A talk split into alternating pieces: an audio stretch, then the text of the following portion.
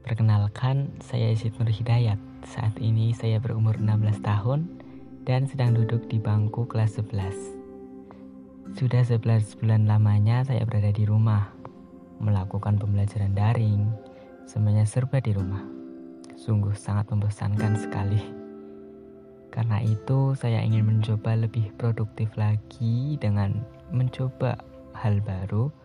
Salah satunya yaitu membuat podcast. Dengarkan terus ya podcast saya di episode-episode berikutnya. Terima kasih.